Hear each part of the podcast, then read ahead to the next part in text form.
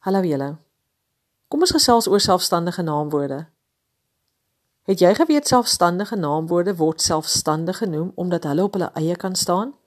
Sonder die hulp van enige ander woorde kan jy selfstandige naamwoord op sy eie gebruik. Dis amper soos jy. Jy is ook selfstandig.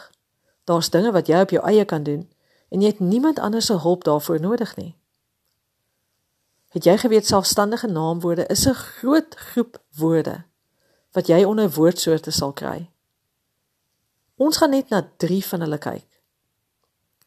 Eie name, soortname en versamelname. Kom ons dink aan eie name.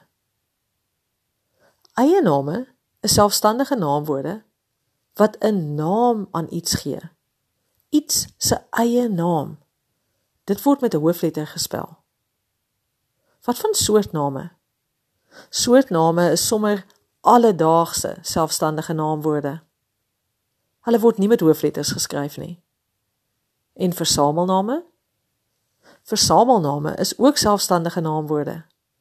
Hulle word gebruik as ek 'n versameling van dinge het, soos 'n bondel wasgoed of 'n bundel gedigte.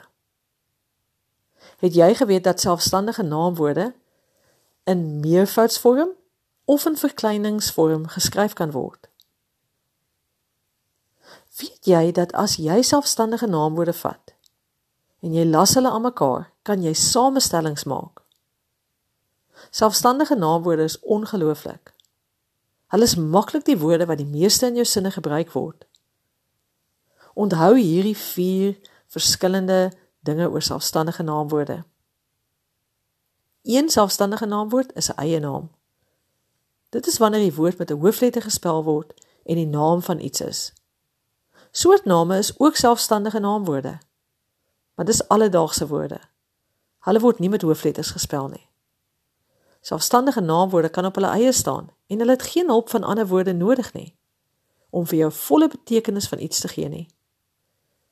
Selfstandige naamwoorde kan in meervoudsvorm en in verkleiningsvorm geskryf word en hulle kan ook 'n versameling van iets aandui.